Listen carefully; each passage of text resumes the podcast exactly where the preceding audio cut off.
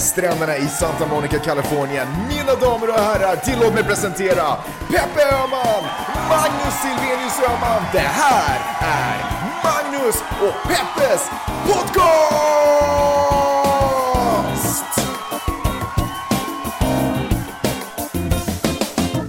Hallå internet och hjärtligt välkomna till Magnus, och Peppes podcast. Här sitter du och jag, Peppe Öhman och jag, Magnus Silvenius Öhman, i Santa Monica och pratar om saker vi har läst i tidningarna, sett på TV, sett på nätet eh, och eh, vi tittar på det här ur ett journalistiskt och feministiskt perspektiv allt som oftast. Och ibland till och med antirasistiskt. Och ibland så tittar vi bara på som de små människor vi är med våra små betydelselösa ögon. Eller? Ja, Ja, annars då? det är bra. Skönt. Hörru, eh, får jag säga en sån här sak? Att eh, det här kaffet som vi dricker är ju så magiskt Jag har, jag har svår, eh, svår, tråkig information kanske för er som lyssnar. Men vi är välsignade med ett eh, kafferi, nej vad heter det, café. Som, som, eh, som, som tillagar alltså världens godaste kaffe. Det är som eh, sammet. Det är som sammet i, eh, sammet med koffein som, eh, som eh, sm- verkligen smeker din hals. Men visst är det lite spännande, för förr i tiden när man talade om amerikanskt kaffe, så då, då var det ju det, det var som utspätt te. Ja. Och man skojar ju om att det är det sämsta i Men det här världen. kaffet i sig är ju inte amerikanskt, det är bara gjort av amerikanare. Och Men- inte ens det faktiskt. Men för det handlar ju också om att vi lever i en liten hipsterbubbla här i Santa Monica. För till exempel åker man utanför stan, och när vi åkte till Las Vegas i, i höstas stannade vi vid en liten diner Mm. mitt ute i öknen. Och deras kaffe var sådant amerikanskt kaffe. Vanligt kaffe. Nej, det var inte vanligt kaffe, det var liksom ingenting. Det var liksom, det var så här otroligt blaskigt och utspätt, ljus, ljus, ljus brunt, trots att man inte ens hade blandat i mjölk. Men är inte det vanligt amerikanskt kaffe? Ja, kanske det. Eller vad är vanligt kaffe för dig? Det vi dricker nu. Är det här, ja, ja okej, nej det här är, tycker jag är ett exklusivt kaffe. Det här är ju, jag, sån här kaffe, jag har inte fått, det spelar ingen roll vilken Starbucks jag går in på eller var, jag har aldrig fått ett sånt här gott kaffe någon annanstans på planeten jorden till dags datum. Okej, ska vi gå in i podden då? Okej, Hörru, jag tänkte vi skulle ta upp en, så, en, en krönika som uh, Yle-reportern Dan Granqvist skrev. Han skrev om att eh, han vet inte riktigt... Han skrev att han är feminist, men han vet inte hur han ska vara det eftersom det finns... eh, jag måste nästan... Det verkar finnas... Så skriver han. Citat. Det verkar finnas en liten självutnämnd elit inom feminismen som gör ett bra jobb i att skrämma bort nya feminister ur diskussionerna. Är man inte fullt insatt blir man hånad, missförstådd och tillskriven en massa åsikter man inte har, främst utgående från kön och hudfärg.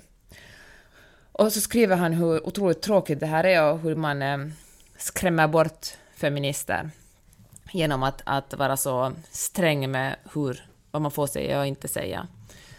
Och eh, ja, alltså jag förstår honom, jag tycker att feminismen ska vara inkluderande. Alla ska få vara med i feminismen. Men samtidigt blir det svårt, för feminismen är liksom ingen... Det finns, det finns ingen organisation som heter men vänta, vad, feminismen. förlåt, ja exakt, så vad menar du, alla ska få vara med i feminismen, vad betyder det? Alltså alla, om man tycker att, eh, om man vill att män och kvinnor ska vara jämställda, om man förstår att det inte är så just nu, då är man feminist. Så enkelt är det. Och då, är man- då är man inne i den här klubben, som egentligen inte är en klubb. Det är ingen sån här Ice Wide Shut-klubb som träffas på lördagskvällarna och har, vad man nu gör i en Ice Wide Shut-klubb, ha sex med Nicole Kidman och Tom Cruise. Inte numera, Nej. det tror jag inte. Och kanske det var bara den ena som var med där. I alla fall. Och, och det finns liksom en... eh, det- of- Jag tycker att den här diskussionen man, of, får man ofta i Finland, man talar om feministerna verkligen som en klubb eller en organisation eller liksom en, en eh, förening som då träffas på tisdagar nere i någons källarlokal och diskuterar vad feminismen ska tycka. Men det är det inte. Feminismen är en, en, eh, en rörelse eller en ideologi. Och tycker man att, att eh, människorättsfrågor är viktiga och att alla människor har samma värde, då är man feminist oberoende vad, vad andra människor säger att man är. Men får jag bara fråga en sak, varför tar du upp den här artikeln överhuvudtaget? Varför är den relevant för oss att prata om? För på något sätt tycker jag det är sådär lite provocerande också att... ehm, Exakt, och just av den anledningen, det vet ju Ja. han också om. Ja, kanske inte Han vill ju att han, han vill ju att vi Men- ska, du vet. Nu kommer jag, jag kommer att gå i fällan nu, men jag gör det ändå. Mhm.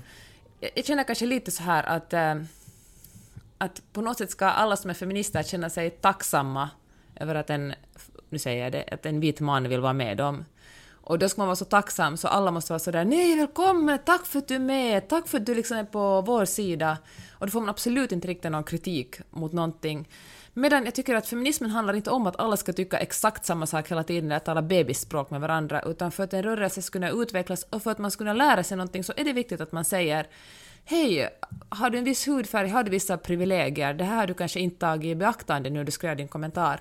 Och det betyder inte att man stänger ute någon, utan det är bara att man försöker... Vissa människor har kanske forskat mer i, i könsstrukturer och, och, och andra privilegier och försöker kanske lära ut det, kanske på ett opedagogiskt sätt. Kanske någon har sagt någonting på ett opedagogiskt sätt åt, åt Dan.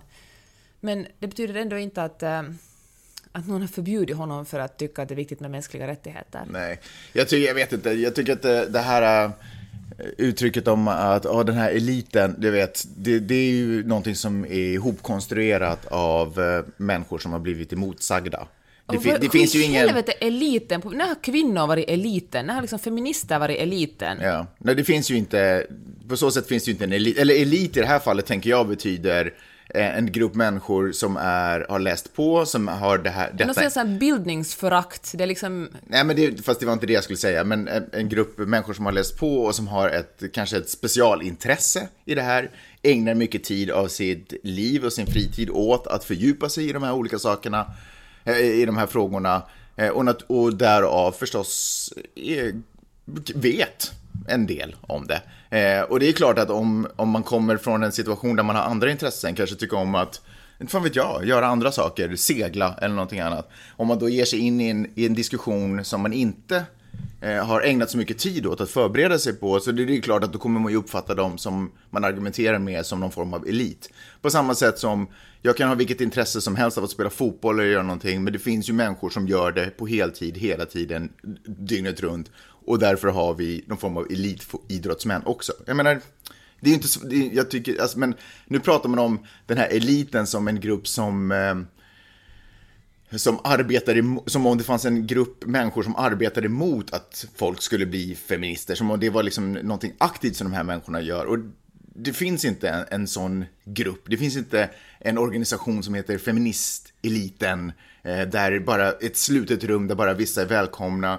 Eh, om, man, om man ger sig in i en diskussion och inte upplever sig vänligt emottagen, Eh, så är det ju på individnivå ofta. Det är ju inte en representant från någon form av grupp som har försökt utesluta dig. Och man, ibland kan man se sig själv i spegeln, kanske man själv gjorde någonting fel, kanske man var lite onödigt opåläst och kastade sig in i diskussioner och tänkte att man eh, kunde komma undan med vad som helst. Fan vet jag, vilket fall som helst. Det faktum att vi sitter, men Dan, alltså den här snubben och några andra som eh, refererar till den här feministeliten är ju människor som jobbar på radio. Alltså de, om det är någon som är elit när det kommer till att ha en talan så är det väl de som antingen dagligen eller åtminstone veckovis når ut till tusentals människor och kan påverka, sprida sitt budskap ganska långt oemotsagda. Så om det är någon som är någon form av elit så är det väl inte människor som försöker från gräsrotsnivå arbeta för ett jämställt, eh, en jämställt samhälle. Det är, väl,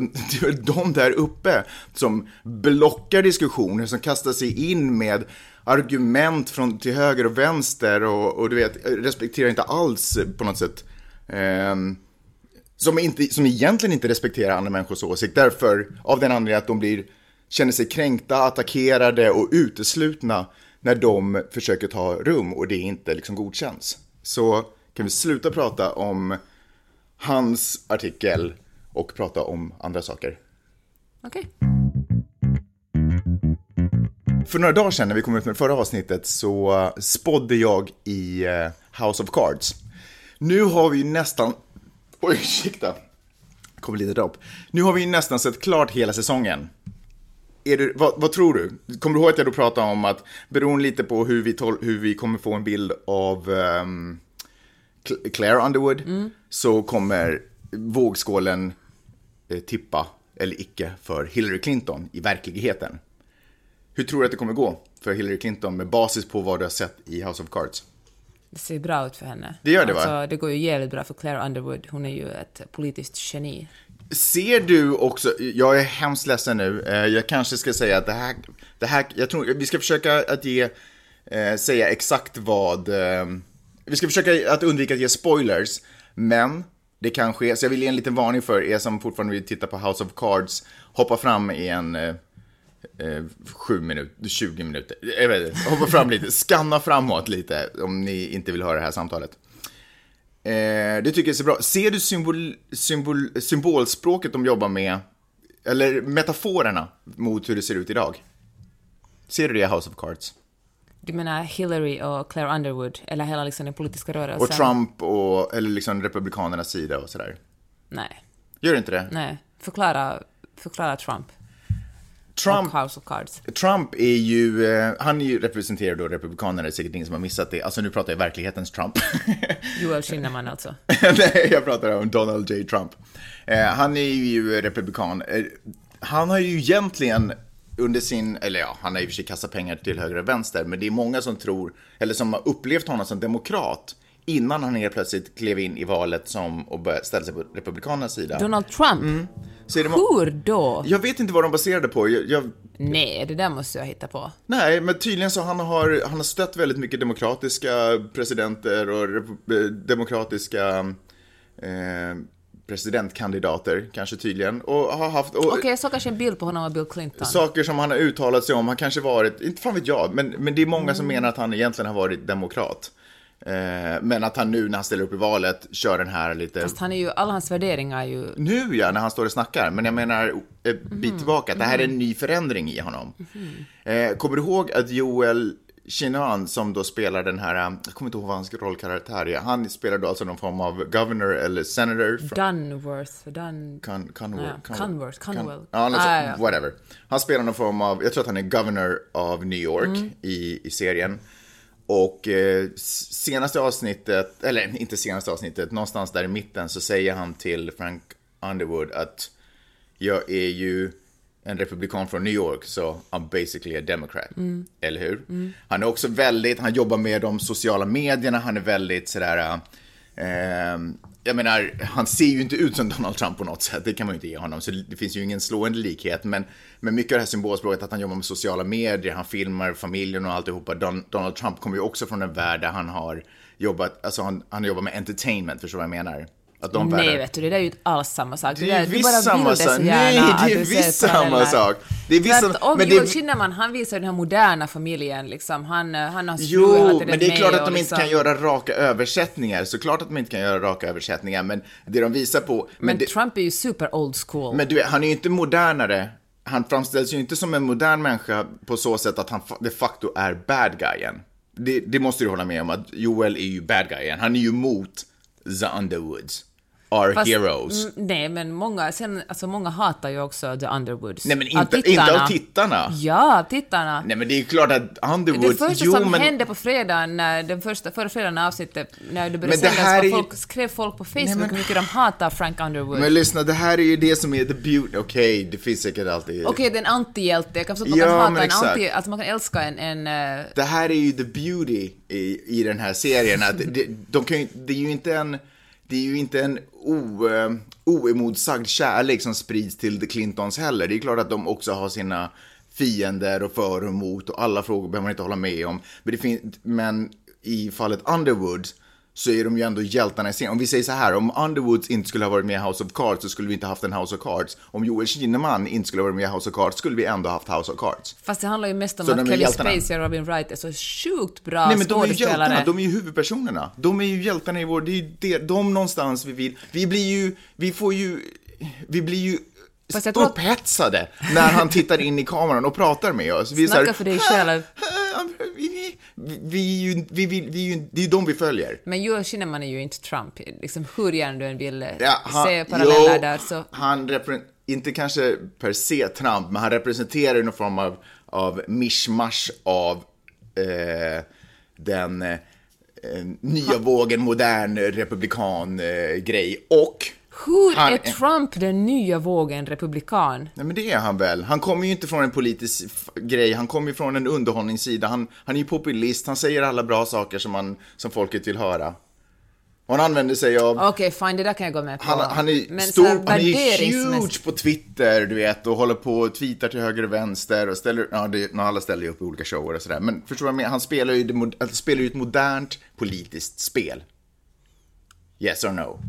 Fine, jag kan gå med på det. Bra. No, så då har vi fastställt att Joel Kinnaman spelar Trump. Nej, det kan jag ändå inte hålla med om. ja, men låt mig nu. Humor me, så vi kommer vidare. Okay, okay. Eh, eh, och eh, han är ju helt klart the bad guy. Nu har ju serien tagit, spoiler alert, den vändningen att eh, The Underwoods står United igen.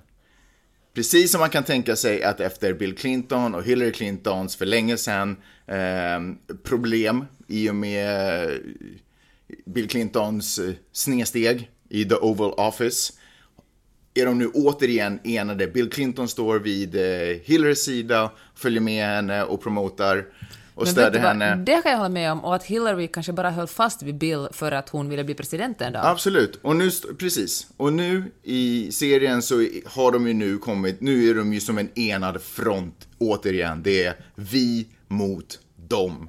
Har de, den meningen har till och med sagts. Mm. Och vad gör vi i tv-sofforna? Vi är sådär, woho! När eh, när Frank Underwood och Claire Underwood kom ut på scenen med händerna uppsträckta i luften och då är säsongen inte ens slut, så bara så ni vet. Eh, då kände vi att vi är tillbaka, vi kände ju att vi är tillbaka, eller hur? Det var ju inte sådär, åh, vad spännande, undrar hur det kommer gå nu, utan vi är tillbaka, det kände vi. Och om vi kände det, då kände också 30 miljoner amerikaner det. Med andra ord, eh, och jag ska också tillägga att Bernie Sanders har ju ingen roll egentligen. Möjligen som den vicepresidenten som var lite tvungen att ta över under den tiden då då Frank... Ah, jag, sa, jag sa möjligen... Ah, mm. jag, jag, ska, jag ska erkänna, jag, jag försökte, den skarvvärdering lite nu. Den, den känner jag inte riktigt håller. Men nej, Bernie Sanders har ju ingen roll, han är ju inte fokus. fokuset i, i det här valet och i verklighetens val eh, är ju Hillary och Trump. Okej, får jag säga en sak om Bernie Sanders nu när mm. du har dragit din spaning? Det här är alltså hälsningar från verkligheten. Får jag sammanfatta spaningen? Hillary kommer vinna. Över Sanders? Nej, över allt. Hon kommer bli president. president. Jag hoppas det. För som sagt, som jag sagt några gånger här på den tidigare, jag har slagit vad med min kompis Antti Pasila. Du har bara personliga intressen, du är som Trump, du har bara personliga intressen i det här. Ja, det ska bli så gott att casha in äh, segern. Det är så konstigt att, ja, okej. Okay. Det är så konstigt att man tycker om att ha rätt. Det är, så, det är extra roligt att ha rätt över någon som också tycker om att ha rätt, vilket jag måste säga att vår kompis Antti tycker om att ha. I alla fall, jag läste en superintressant text om hur, eh, hur eh, Bernie har blivit, på sistone har han blivit kallad, att han är kallad för för vit. För Hillary har ju fått ett superstarkt stöd i södern, mm. liksom, en överraskande starkt stöd, där det bor många svarta. Och då har det plötsligt kommit upp sån här kritik att, att Bernie kan aldrig vinna för att han är för vit. Vilket ju på ett sätt är lite ironiskt, för Bernie talar ju verkligen om att jämna ut... Ja, och han har ju stått, han har ju liksom syns och arbetat för civil rights hur länge som helst. Liksom. Exakt. Liksom. Ja. Men, ehm, och så stod det att det här är liksom det senaste, men eh, en annan sak som man har snackat mycket om, att det som Bernie säger är orealistiskt, han är en idealist. Och det här, jag, var intervjuade några amerikanska studenter på UCLA för några veckor sedan för Hufvudstadsbladet, och de sa också det att, att jag gillar honom, han är, att fan han är kanske lite för stor idealist, men att uh, jag gillar honom ändå. Och många, många ville rösta på honom, men de liksom, det fanns en sån här eh, underförstådd överenskommelse att det han säger är egentligen helt galet. För att, så här, för att en så här galen socialist skulle ju det skulle aldrig funka, trots att det har förr i tiden i Norden. Nu håller man ju på att bygga på att eh, förstöra Det har funkat i amerik amerikansk politik också. Man har bara en bild idag av att det inte är så. Men att det här är en, en direkt politisk strategi från eh, Hillarys läger. Mm. Att bara sprida, liksom, om man upprepar en, en lögn eller ett påstående tillräckligt många gånger så blir det en sanning. Mm. Och nu har det blivit en sanning att det som, och jag märker att jag själv har sagt det också, det som det som Bernie säger är för orealistiskt för att kunna bli verklighet. Därför lönar det sig att rösta på en pragmatiker och en realist som mm. Hillary Clinton. Det är roligt, för det man säger är att, att det är orimligt att vi kan göra stora förändringar, så vi röstar på någon som inte kan göra så stora förändringar. Exakt för det. Vi safear med att rösta på någon. Istället för att sikta mot stjärnorna och nå himlen så bestämmer man sig för att man siktar mot trädtopparna. Och vad når man då? Når man trädtopparna eller kommer man nå till liksom första grenen? Men nu ska det bli spännande att se om, om Bernie kan göra en comeback på det här. Alltså jag börjar gilla, man gillar ju alltid en underdog kanske också. Jag tycker också att det här visar, och jag tycker också att det nästan är någon form av eh, semibevis för min teori om att det är Netflix som kommer sätta standarden för framtiden. Och det är ju att... Du kommer att bli anställd som politisk analytiker. Nej men lyssna, för, jag kommer bara titta på tv-serier. Ja. Nej men för att anledningen till att hon tog hem, det var, han, det var jag minns inte vad det var, det här valet som var avgörande just för Hillarys svarta röster. Eh, men det var en av de här provvalen då så att säga. Ja. Och anledningen till att hon tog hem det framför Bernie Sanders var ju, vi tog upp det här i en podcast också för några veckor sedan, och det var ju att hon, hon skiftade inte sitt budskap per se, men hon gjorde en fokusförflyttning. Hon började prata om att vi ska, hon, hon hade ett mantra som hon upprepade som var typ, eh, lät ungefär som att eh, vi ska eh, inte bygga murar, vi ska överbrygga överbrygga skillnader, men någonting mm. sådär, eh, liksom bryta igenom och, och du vet, så att, så att eh, som var liksom var helt superriktat mot just den svarta och latino och säkert asiatiska populationen på den platsen.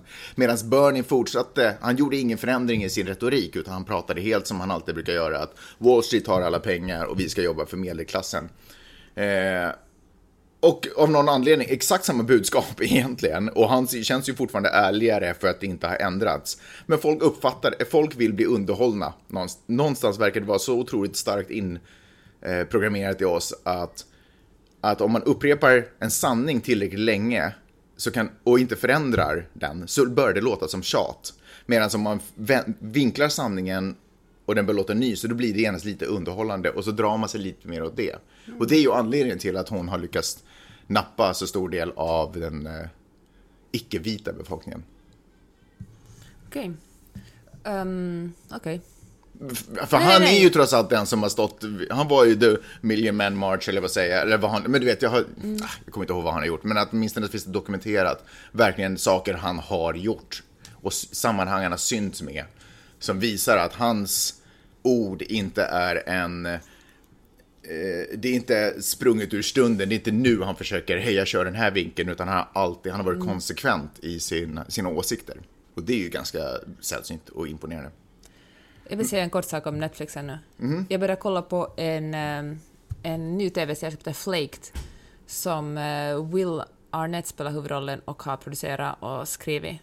Och jag såg några avsnitt och det var sådär... Oh, gulligt, det utspelar sig i Venice. Det utspelar sig typ på Abbot Kinney. Mm. Så det är liksom, det är Venice-porr.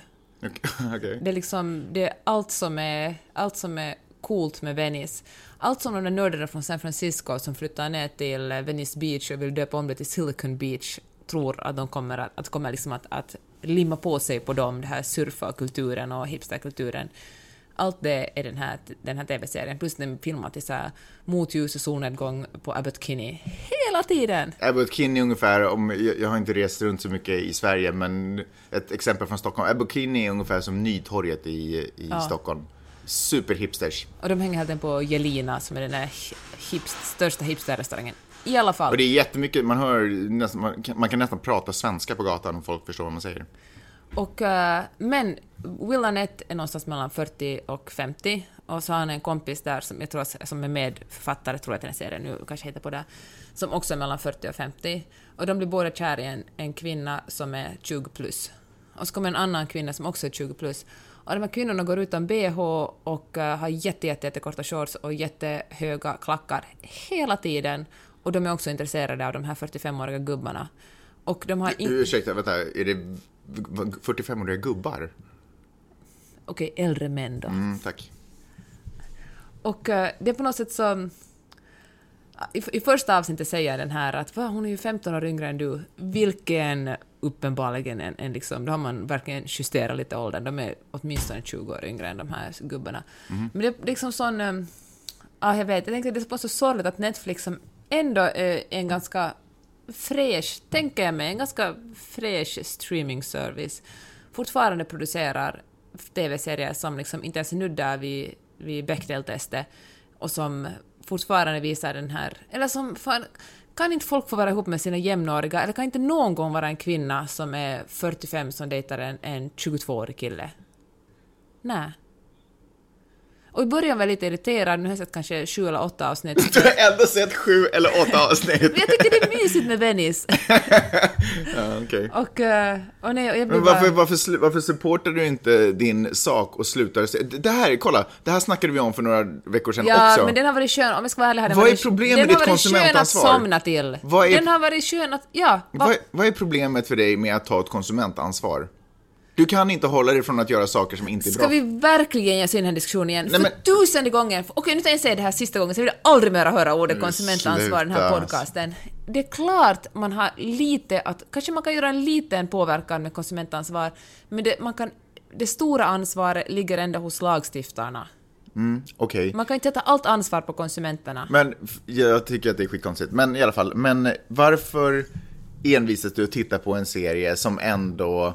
Varför support? För du supportar ju en serie, För det den fattar är du ju. skön att somna till. Nej, men du förstår ju att när du har klickat på den där, registreras det på Netflix, det är ingen människa som sitter där och gör ah okej, men det var säkert för att hon gillade Venice och det här. De, de, de får ett klick. Jag ska ge dem, vet du vad jag ska göra? Jag ska titta på den grundligt, sen ska jag ge den en freaking stjärna. Ah, Boom! Programledaren Axel Smith, vet du vem det är? ja, Ni är absolut. ju kompisar. Ja, bekanta. Och eh, jag tror till och med att spela skiva på någon av våra fester. Ja, eller en av dina fester. Jag har sett det på mig bara. Nej, men var det din, jag tror att det var din bokrelease. Fest han spelade skiv på. Anyway, vi behöver inte gå in på detaljer. Eller var det en papperfest? Han... eh, jag beskrev honom som artist För det var absolut inte en av någon- våra fester som vi har haft tillsammans. Jaha, no, shit samma. Han, hade, han gick ut med en, eh, en förklaring på sin YouTube-kanal Berätta vad som har hänt. Där han sa att eh, han har varit i polisförhör för att tydligen genom tiderna har han haft, han har haft kameror riggade i sitt sovrum Kameror. ja, och filma folk han har haft sex med. Alltså har han byggt upp en studio liksom, eller? Nej, men han, han kallar det för säkerhetskameror, för att hans eh, försvar till det här har varit att han vill filma varje kvinna han har sex med, så att ifall de anklagar honom för sexuella övergrepp ska det gå att bevisa att, eh, att det, detta inte är sant, utan det har varit samtycke. Och det är ju givetvis förbjudet. Man får ju inte filma någon utan den samtycke. Inte ens fast man själv är med. Nej, man får filma folk på, man får filma folk på gatan till exempel. Och, eh, men det här, det kan, om man filmar någon som... Alltså, där kan man också bli...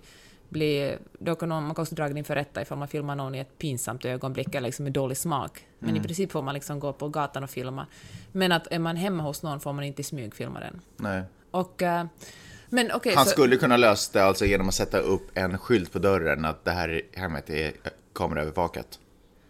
Ja, kanske det här sovrummet. Eller till och med sagt hej, jag kommer att filma dig när vi har sex. Bara så du vet, hoppas det är Ja. okej. Skriv Men- på de här, egentligen man måste ju ha någon sån här consent, skriv på de här papperna. Eller det skulle funnits på film. Namn och telefonnummer och alltihopa. Ja.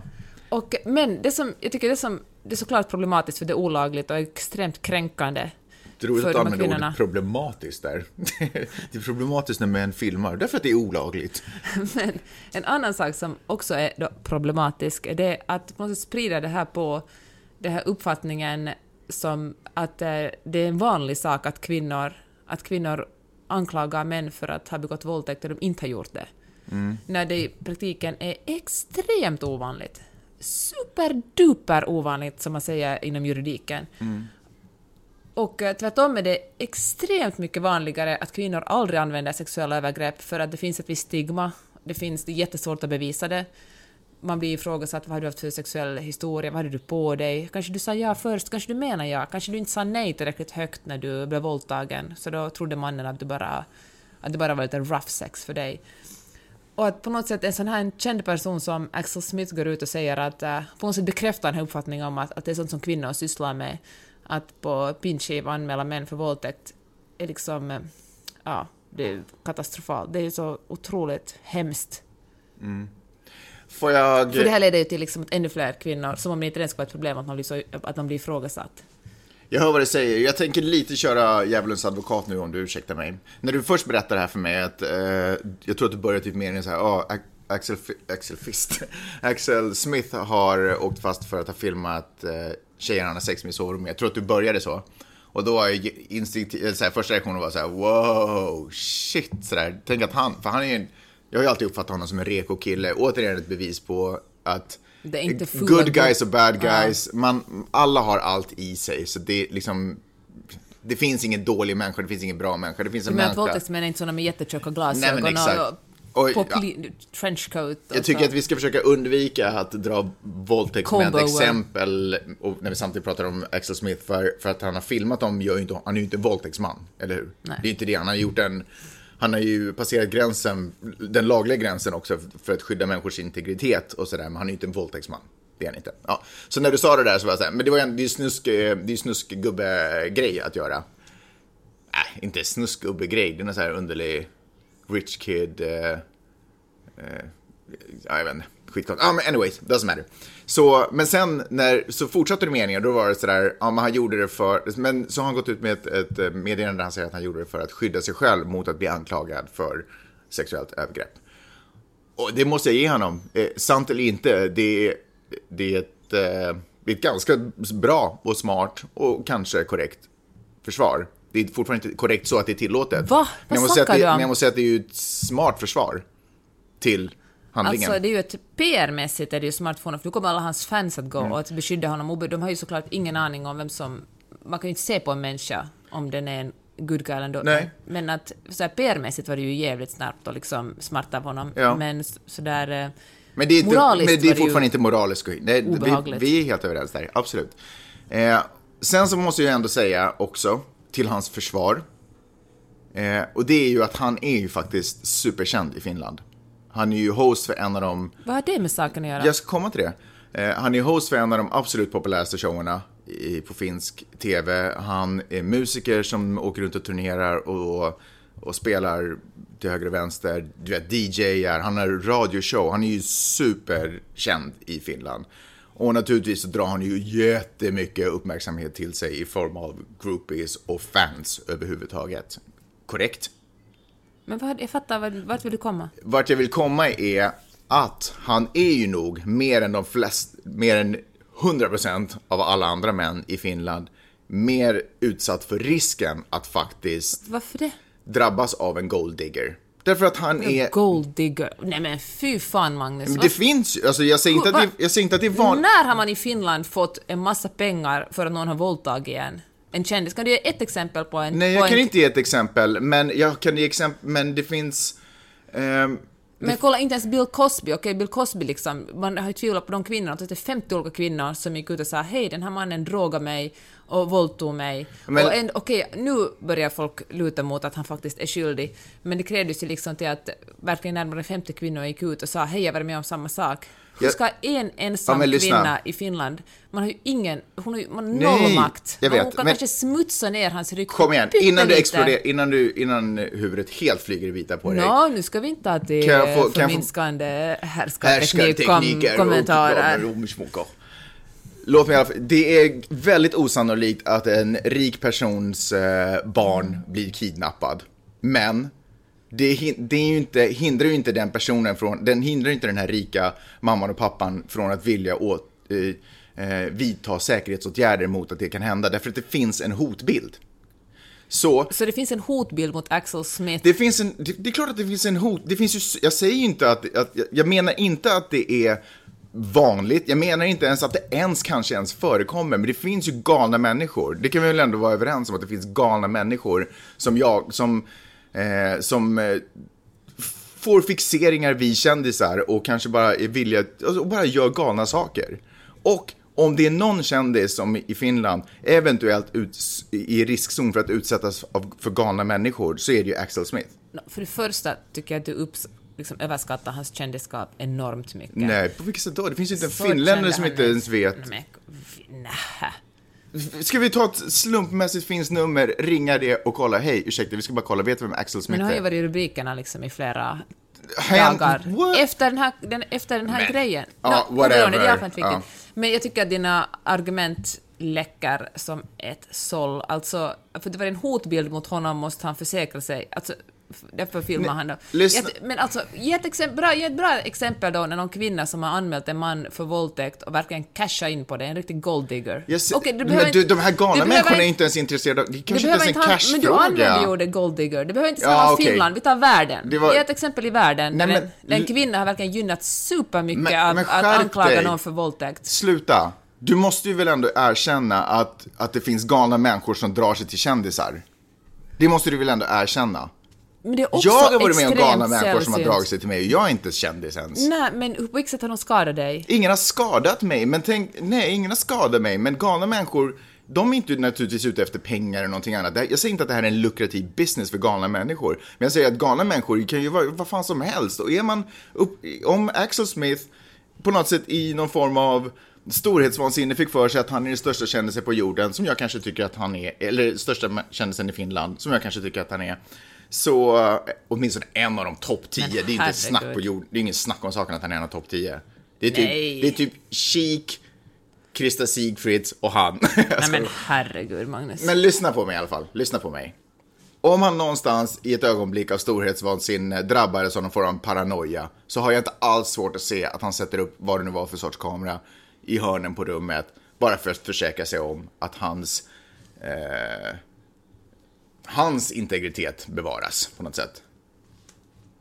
Nej, alltså man måste kunna skydda sig mot enstaka galningar på ett annat sätt än kränka en andra. För Man det- måste, så- för att det är olagligt han- att filma, Men så det man han måste har gjort nu, det. att han har ju liksom kränkt en massa andra människor. Alla de kvinnorna haft sex med, han ju liksom, vad han gjort dem? Han sparar de där, eh, han sparar filmerna. Nej, det- jag menar, det är ju ser du, kolla, men kränkt här- deras integritet. Nej, jag fast- menar, du kan, inte, du kan inte beskydda dig själv genom att kränka en massa andra Nej, människor och säga kränk, kränk, han har ju kränkt deras integritet om han ah, har... Eh, att, för att han har filmat dem. jo, jo, absolut, det är ju sant, men de, ingen av filmerna har ju publicerats och ingen av filmerna har kanske ens arkiverats. Ah, varför skulle han filma dem och inte arkivera dem ifall de skulle komma... Det kan ju vara att någon kvinna kommer fem år senare. Men nu, nu spekulerar vi bara. Nu spek, vi vet inte exakt hur det där har gått till. Men, men bortsett från det, så lagligt, lagen säger ju att han har kränkt dem. Så, Ja. så det är ju ingen tvekan om saken.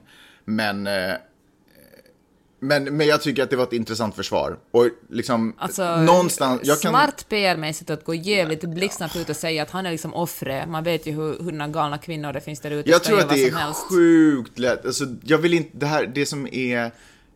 Men tänk att du inte ens kan komma på ett, ett enda exempel. Jag kom på någon stalker, stalker som någon, någon, någon Men jag skulle kunna komma på... Jag, skulle... Jag, jag, medlem fan, haft är för 30 år sedan. Det är liksom. fräckt, för du vet att jag inte lägger skit på minnet. Så det är klart att det finns exempel på, på galna människor som har gjort livet surt för kändisar, män och kvinnor. Det är klart att det finns exempel på det. Agneta Fältskog är det sämsta exemplet, men hon, för hon gifte sig med sin stalker. Men, men det finns stalkers, det vet ju alla. Det, det, det ska väl inte jag behöva leta exempel på?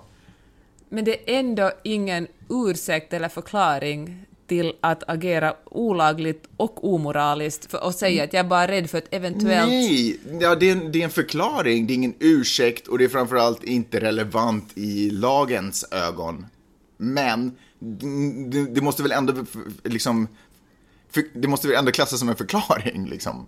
Det är en usel förklaring. Ja, men jag tycker att det är väldigt lätt att sitta som en eh, superanonym typ på andra sidan jorden i ett tryggt förvar och vara sådär, ja, det, är ingenting, det finns ingenting som hotar oss, vi behöver aldrig vara nojiga för någonting annat än att kunna betala hyra nästa Vad månad. fan, alltså, vadå nojiga? Som kvinna är man ju nojig hela tiden. Varje gång man går hem från krogen mitt i natten är man ju nojig för att det ska komma en dåre Mm. och våldta en. Ja, Okej, nu överdrev jag kanske, men alltså du menar, som Ja. kvinna är man ju faktiskt Jag vet, i som praktiken kvinna. rädd. Men och, och men statistiskt sett tror jag att ligger kvinnor i mycket... Men nu pratar vi inte om män, nu pratar- nej, nej, Risken slut. är mycket större för en kvinna att bli våldtagen än för Axel Smith Men att du- oskyldigt bli du drar- anklagad för att kolla. bli en våldtäktsman. orättvis parallell. Du drar gruppen kvinnor, sätter du emot Axel Smith. Det kändisar som du talar om? Jag kan säga gruppen manliga kändisar. Det är liksom inte mera synd om, de är inte, gruppen manliga kändisar är inte mera utsatta Det, än fast det, vanlig det är kvinna. inte manligt och kvinnligt när det kommer till kändisskap. Du kan sätta kvinnor mot kändisar i så fall. Och jag svär att det finns en massa kändisar som inte uppskattar... Kisha till exempel. som har- Kisha till exempel. Som då blev våldtagen av sin producent och utnyttjad.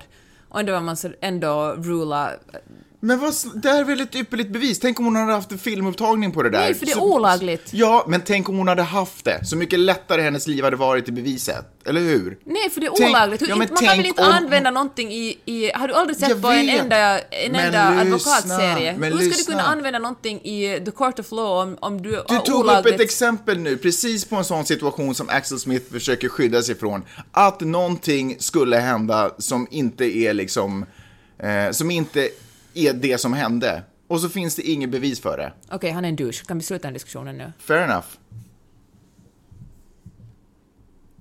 Var det allt vi hade att säga? Jag tror det.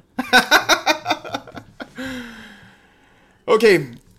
Ehm, vi måste sluta med på något mer positivt sätt. Vi kan inte... Hade du ingenting att komma med utan din Netflix-analys den här veckan? Nej, det var, det var allt jag hade. Jag är väldigt glad för att eh, jag får... Jag har ett superroligt jobb just nu. Jag är så himla glad för det. Och fler roliga jobb är på gång. Någon dag måste du berätta mer om det i den här podden. ja, så fort det är officiellt. Eh, men... Eh, produktions... Men jag kan ju säga att du jobbar med massa kändisar. Ja, det, det, det Och det är en. TV-serie. Ja, och TV och det är kameraövervakat. Fast bara när vi är på plats. Och du producerar lite. Mm, kan man också säga. Superroligt. Så roligt. Och så har du fått en ny tröja av mig igår. det är också sant. Okej, men nu tycker jag att vi har lyft upp stämningen tillräckligt. Okej, jag älskar dig Peppe. Eh, Önskar att du kunde säga detsamma om dig, Magnus. Åh, så jävla taskigt. Nej, Hörni, också. tack så hemskt mycket för, förlåt för, eh, för att Peppe flippar. Hon blir så sjukt aggressiv. Om ni tycker att ni får hårt svidande kritik när ni yttrar er om feminism på Facebook, föreställ er hur det är att leva med mig. Eller nej, att leva...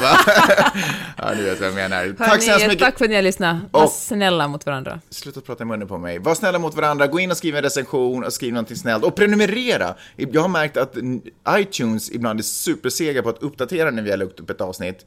Eh, så, men om ni prenumererar, då sugs det ner automatiskt in i eran podcaster. Så do it!